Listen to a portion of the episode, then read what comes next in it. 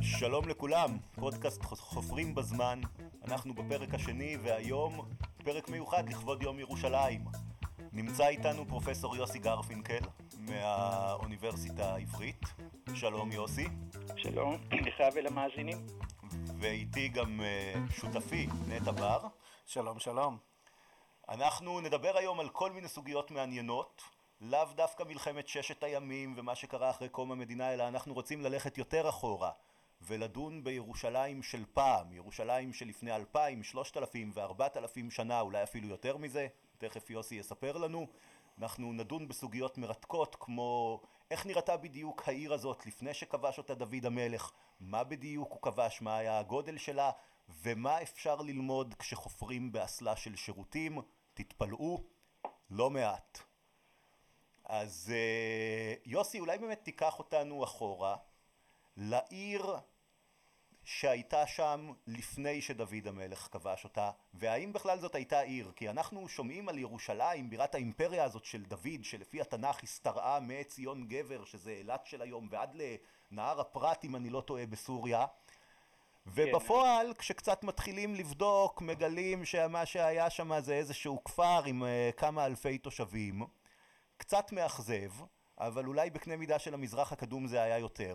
ספר לנו איך נראית העיר שדוד כובש. כדאי אבל קודם לראות את כל המצב הגיאופוליטי. יש לנו במזרח הקדום את uh, מרכזי תרבות אדירים במצרים מצד אחד, מסופוטמיה מצד שני.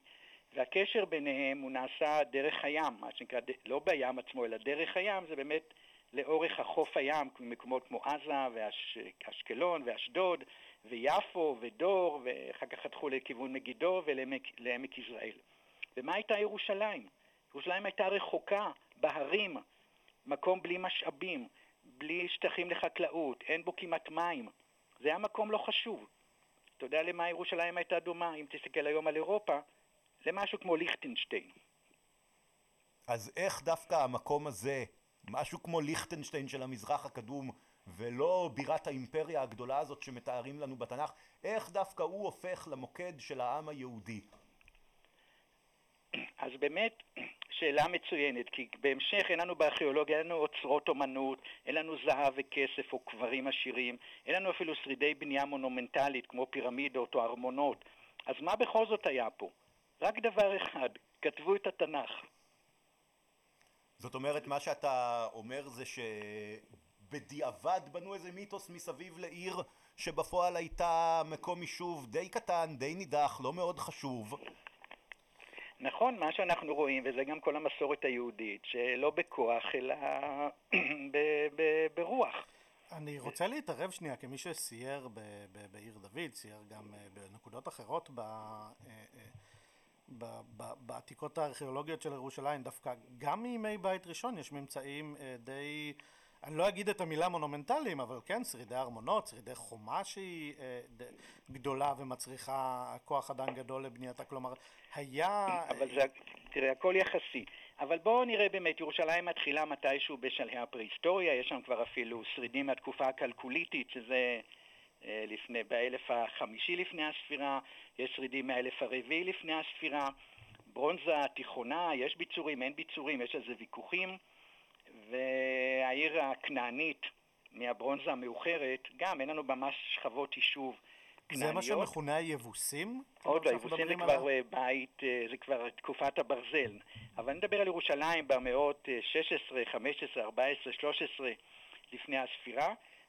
אין לנו פשוט ממצאים ארכיאולוגיים של יישוב. יש לנו כמה קברים עשירים שנתגלו באזור ירושלים, אבל אין לנו ממש עיר. לעומת לכיש או מגידו או חצור או אנשים או מקומות אחרים, אין לנו אפילו עיר כנענית בירושלים. המחקר הארכיאולוגי לא מצא אותה.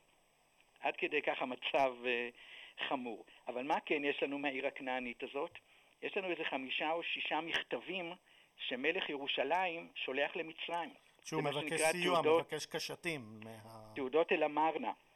אז uh, במקרה פתחתי פה את, uh, את, את הספר uh, לאדוני המלך, שזה תרגום של מכתבי אל המרנה לעברית, ובמכתב אחד אתה רואה איך הוא מתחיל.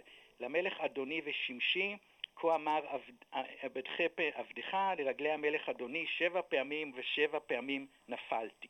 כן, זה הפתיחה ככה שמתחנפים לפרעה במצרים. זאת אומרת, לא אימפריה ולא נעליים, אלא איזשהו אה, וסל כנוע של ממלכה הרבה יותר גדולה וחזקה.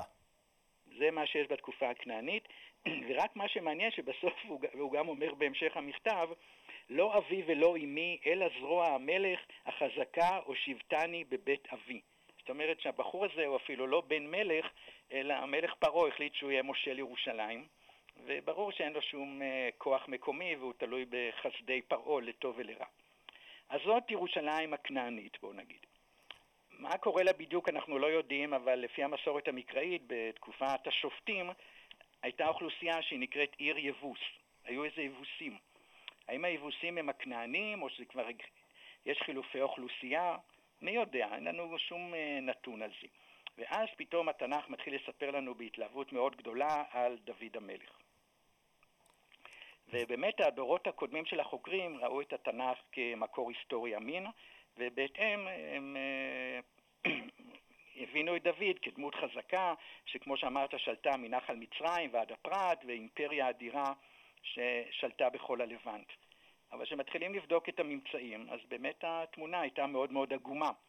ובעצם הגישה ההפוכה אמרה, אתם אומרים שהייתה אימפריה, אז תדעו לכם שלא היה כלום. דוד הוא אגדה, לא הייתה ממלכה, לא היה דוד, לא היה בית מקדש של שלמה, וירושלים לכל היותר 300 שנה מאוחר יותר, בימי חזקיהו, רק אז היא התפתחה ונהייתה ממלכת יהודה. אז היום אבל אנחנו יודעים שבכל זאת היה איזשהו דוד, שאולי הוא לא היה מלך אדיר ששלט על אימפריה חזקה, אולי הוא שלט על איזה ממלכה קטנה שם באזור אה, יהודה, אבל הדמות הזאת כנראה, עד כמה שיודעים מהמחקר היום, התקיימה, היה מישהו כזה. נכון, אז זה כמו מטולטלת, מצד אחד מקסימום, אחר כך הלכו למינימום, וב-1993 נתגלתה כתובת אה, בתל דן, בצפון אה, ישראל, ובאמת מלך ארמי כותב שהוא הרג 70 מלכים, והוא הרג מלך, מיהודה, מלך מישראל ומלך בית דוד, מלך מהדינסטיה של דוד. אה, הוא טוען שהוא הרג אותו. כן. דרך אגב, האירוע הזה מוזכר בתנ"ך, במהפכת יהוא, הורגים גם את מלך ישראל וגם את מלך יהודה. זאת אומרת שהאירוע הזה מוכר גם במסורת המקראית וגם בכתובת. כן, זאת אומרת הוא לא טוען שהוא הרג את דוד עצמו, לא, אבל הוא הרג מלך מבית דוד, מהשושלת של... כן. של דוד. וזה באמת אה, שינה את המצב שבאמת היה קיים דוד. אז עכשיו מתחילים לשאול, אוקיי, היה דוד, אבל מה הוא היה? הוא היה שייח' בדואי שגר באוהל בכפר קטן שנקרא ירושלים, או שבתקופת דוד כבר היה איור וביצור ומבני ציבור וכתב ומנהל. על זה היום הוויכוחים הגדולים. אז מה, מה בעצם, אם, אם, אם, אם זה דוד המלך, מה, מה בעצם גורם, ל, אם, אם באמת היה כזה מלך, מה גורם לו, ל, ל, סלח לי על הביטוי, לתקוע את הבירה שלו במקום המאוד לא נחשק הזה בגיאוגרפיה הארץ ישראלית של אז? תראה, פה הוא נולד, לפי המסורת הוא נולד בבית לחם, הוא הומלך לראשונה בחברון. והוא עבר מחברון לירושלים. אני לא יודע מה הייתה חברון באותה תקופה, וגם אנחנו לא יודעים כל כך מה הייתה ירושלים בדיוק באותה תקופה של אה, תחילת מאה עשירית לפני הספירה. אז באמת יש בעיות בארכיאולוגיה, אני לא אומר שאין בעיות, יש הרבה מאוד בעיות. אבל צעד גדול, אבל אולי לפני איזה רגע נגיד, מה בכל זאת הגדולה של דוד? אמרנו שהכנענים היו הרי מדינה, הייתה עיר מדינה ירושלים, הייתה עיר מדינה לכיש, הייתה עיר מדינה גת, הייתה עיר מדינה פה ושם, היו כ-30 ערי מדינה בכל ארץ ישראל.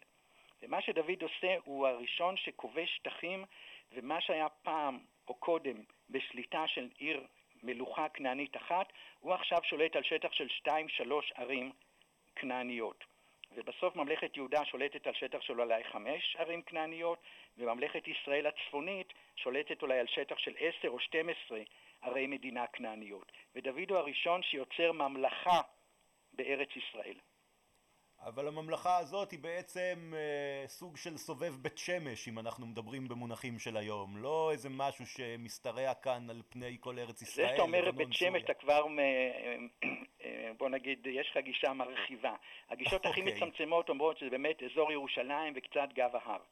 אני בחפירות שלי בחורבת קייפה, שהיא בעמק האלה, מצאנו עיר שלפי הפחמן 14 בדיוק מהתקופה של דוד וגם נהרסה בתקופה של דוד, כך שממש פומפיי מקראית לימי דוד המלך.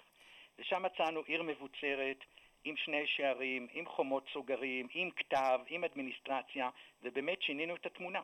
עד אה. אז לא היה שום דבר ברור בארכיאולוגיה על דוד המלך. הכתב והאדמיניסטרציה שנתגלו שם הם, הם אה, ניתן לקרוא להם עבריים, הם קשורים איכשהו לסיפור, ה... לסיפור המקראי? ניתן לעשות את זה? לא עד כדי כך, הכתובות האלה הן די אה, קצרות, אחת, אה, אחת שארוכה יותר, מה שנקרא אוסטרקון, חירבת קייפה, זה כתובת בדיו על חרס, לא כל כך ברור מה כתוב שם, וכמה שזה מצחיק, כן.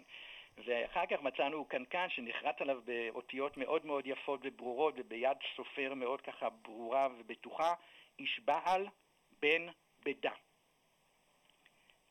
אומרת שהשמן או היין או מה שהיה בתוך הקנקן מגיע מהאחוזה של אותו איש בעל בן בדה. ומה נורא יפה בשם איש בעל? יש בתנ"ך חמישה אנשים שנקראים איש בעל, כולם מימי דוד. לא מימי חזקיהו ולא מימי צדקיהו. הם מתחילת מאה עשירית. מעיד על... אה, מעיד על... איש בעל, כן, עוד זה, לך תדע אם הבעל הזה הוא כנעני או זה תיאור כללי לאדון.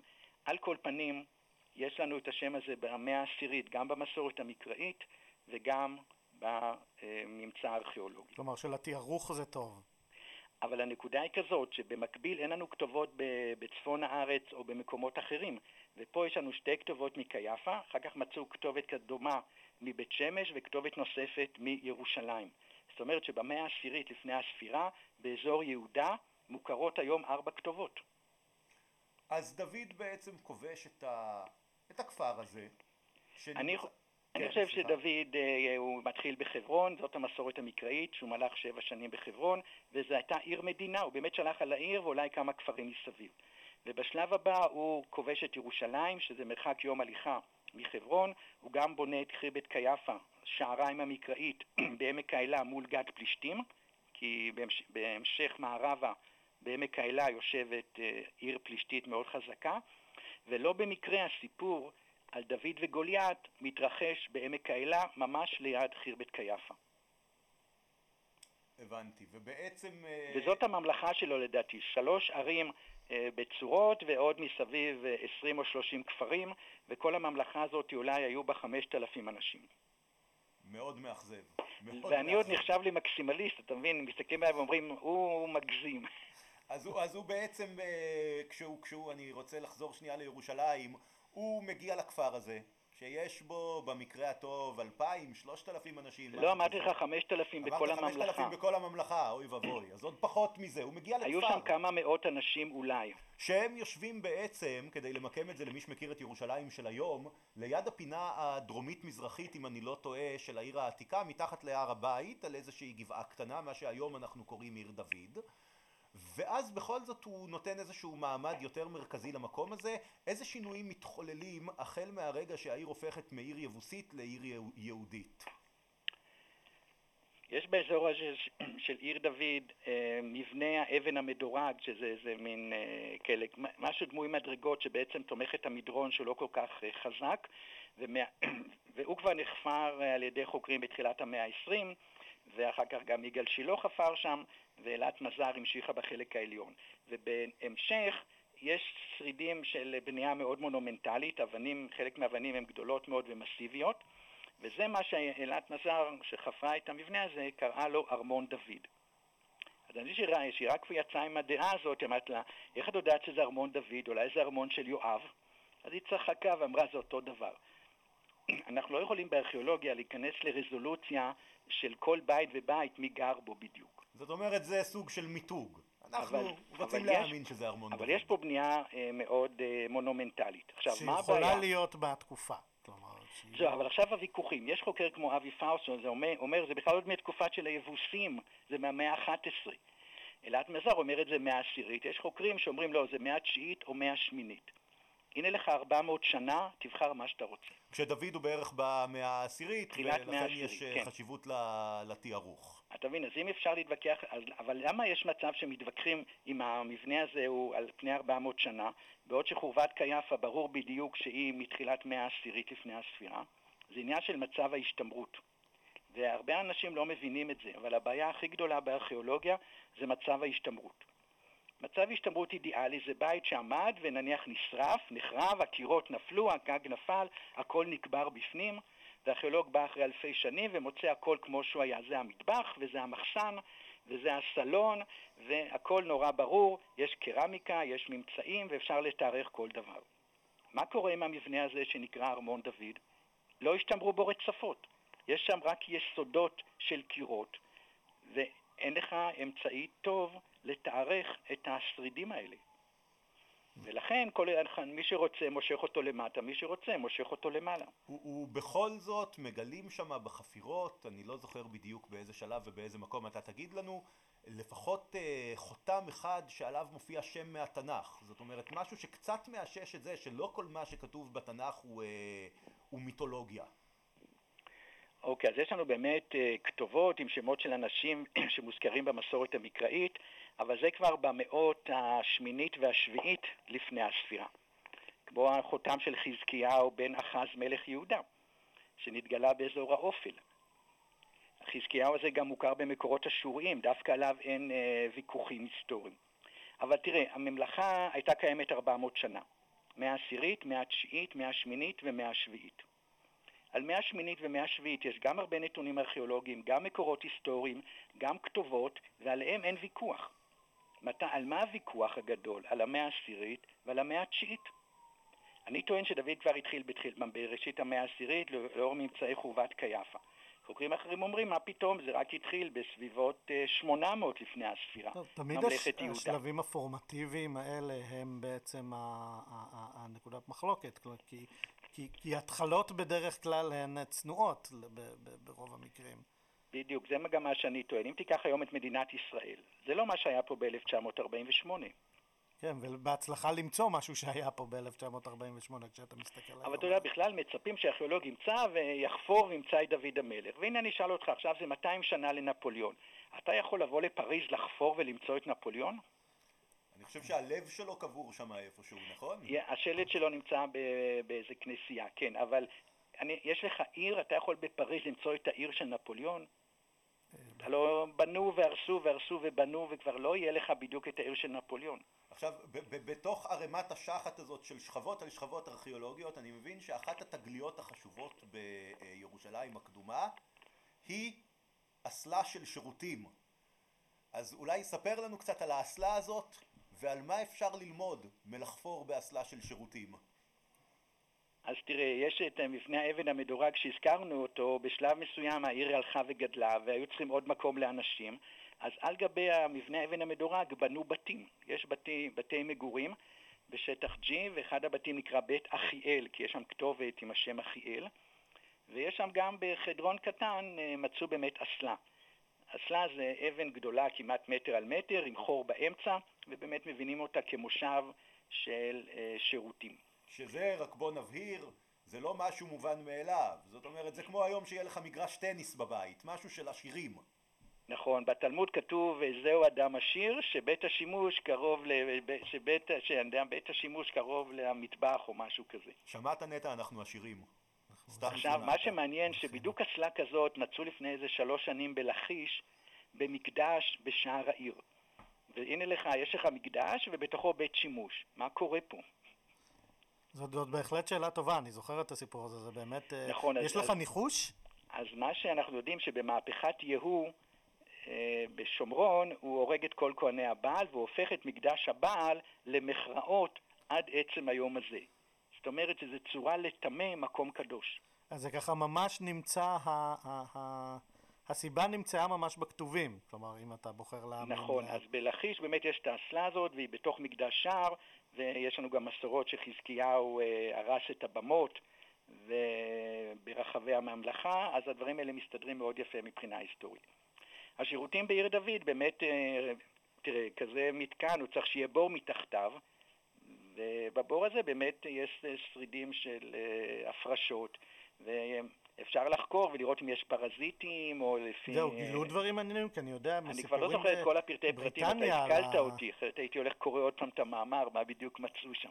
בבריטניה יש הרבה סיפורים על המחאות של הוויקינגים שנחשפו, ולומדים מזה מה הם אכלו, מאיזה מחלות הם סבלו. אה. נכון, זה דבר מדהים שאתה באמת לא סתם כלי חרס, אלא באמת אתה יכול לראות את ההפרשות של בני אדם עם כל הבעיות של תזונה ושל פרזיטים וכיוצא בזה, כן? אז, אז אני באמת לפני השידור עשיתי מה שכל חוקר רציני עושה והלכתי לוויקיפדיה.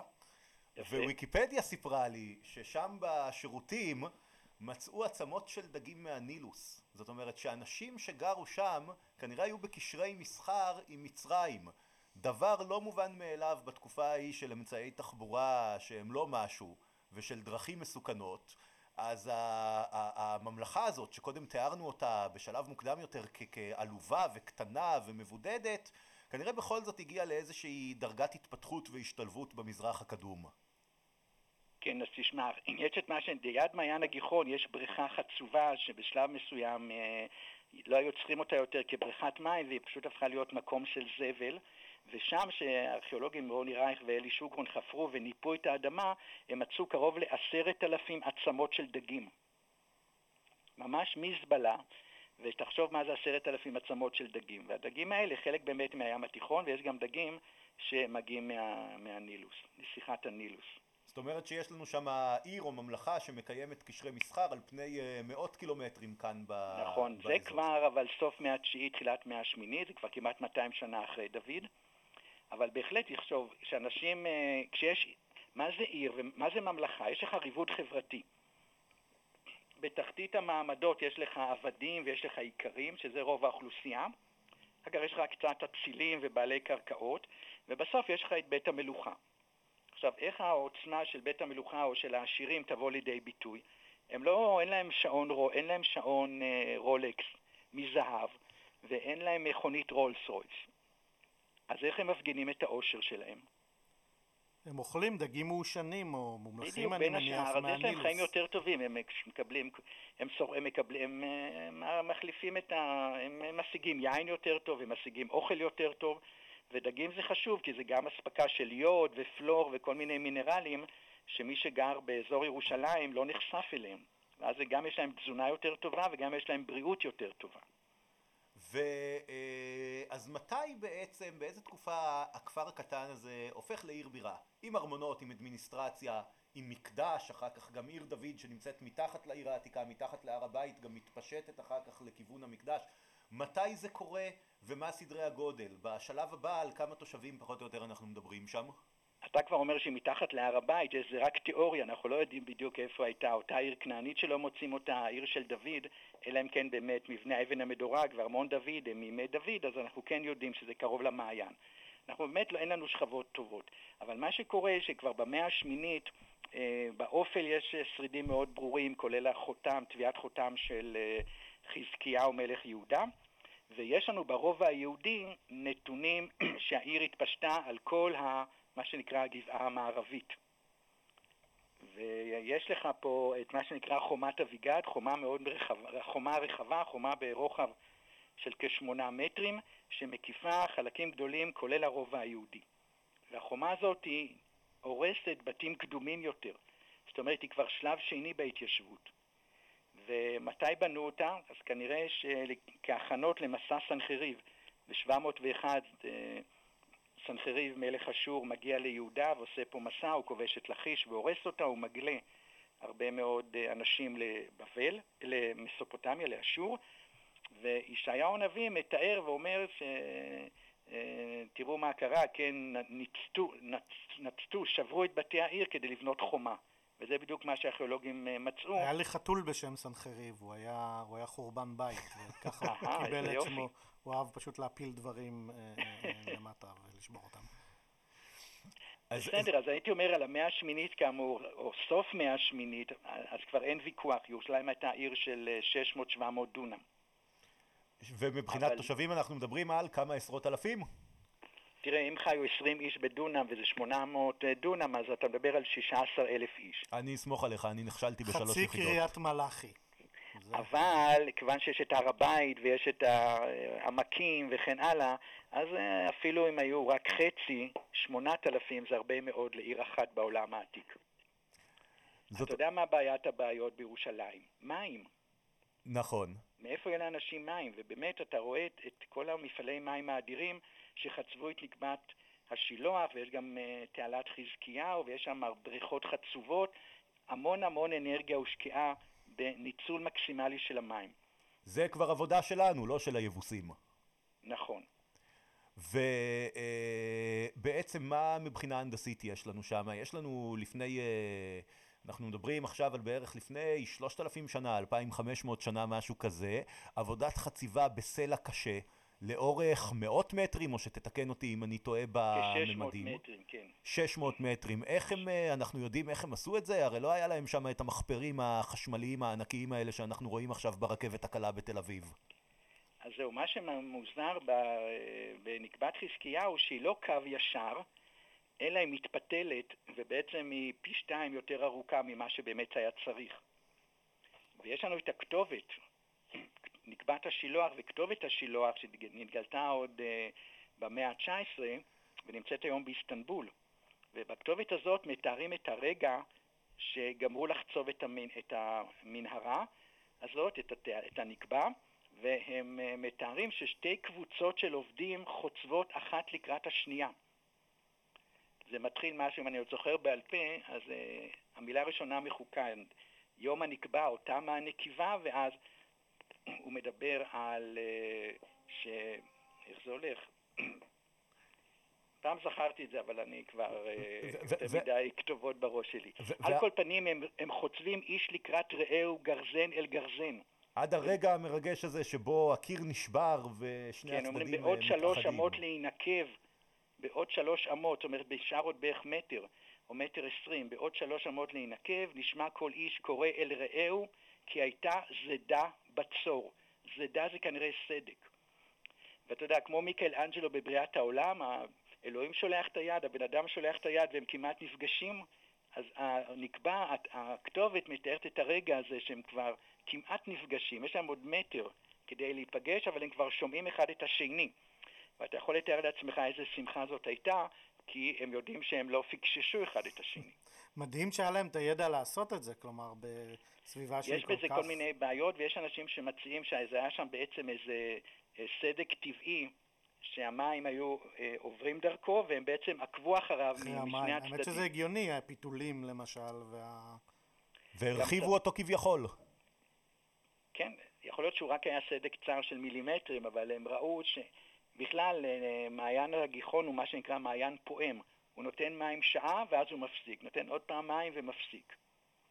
אז יכול להיות שבצד השני גם ראו שיש מים מגיעים ומפסיק, מגיעים ומפסיק, והם הבינו שהם, ששני הצדדים קשורים אחד בשני. אנחנו יודעים למה התופעה המעניינת הזאת שהוא uh, מעיין פועם שנותן מים לשעה ואז מפסיק. כן, כי זה חללי מים שמתמלאים ואז הם נשפכים ומתמלאים ונשפכים. והדברים האלה קורים ליד מוזיאון רוקפלר בכלל בירושלים, שזה אגן הניקוז שממנו uh, המעיין הזה מקבל את המים שלו. אנחנו uh, מסמנים לי פה שאנחנו תכף צריכים לסיים, אז uh, כמובן יש עוד הרבה מה לדבר עליו. Uh, הנקבה הזאת, מעבר לזה שיש לה מטרה להביא מים לתוש... לתושבים, יש לה גם משמעות צבאית, כי בעצם היא מביאה את המים מחוץ לעיר ומאפשרת לה uh, לעמוד במצור ממושך. מה שבעצם קורה, שהמים נשפכים החוצה, והאשורים היו יכולים אולי גם להשתמש במים האלה כשהם צרים על העיר. אבל ברגע שאתה מנתק את המעיין הזה והוא לא נשפך יותר החוצה לעמק הקדרון, אלא הוא נשפך לתוך העיר, אז אתה אה, מנצל כל טיפת מים לתושבים מצד אחד, ואתה מונע מים מהאויב מצד שני. ובאופן תת-קרקעי שלא מאפשר לאויב בעצם להתערב עם, עם מקור המים שלך. בהחלט, כן. מדהים. טוב, יש לנו עוד המון על מה לדבר, אבל uh, זמננו תם לצערי. אז uh, תודה רבה לפרופסור יוסי גרפינקל, היה מאוד מעניין. Uh, תודה רבה לכם. תודה לנטע בר, ואנחנו uh, נקדיש את הפרק הזה לחתול סנחריב, זיכרונו לברכה. ונשתמע בפרק הבא. יום ירושלים שמח. יום ירושלים שמח לכולם.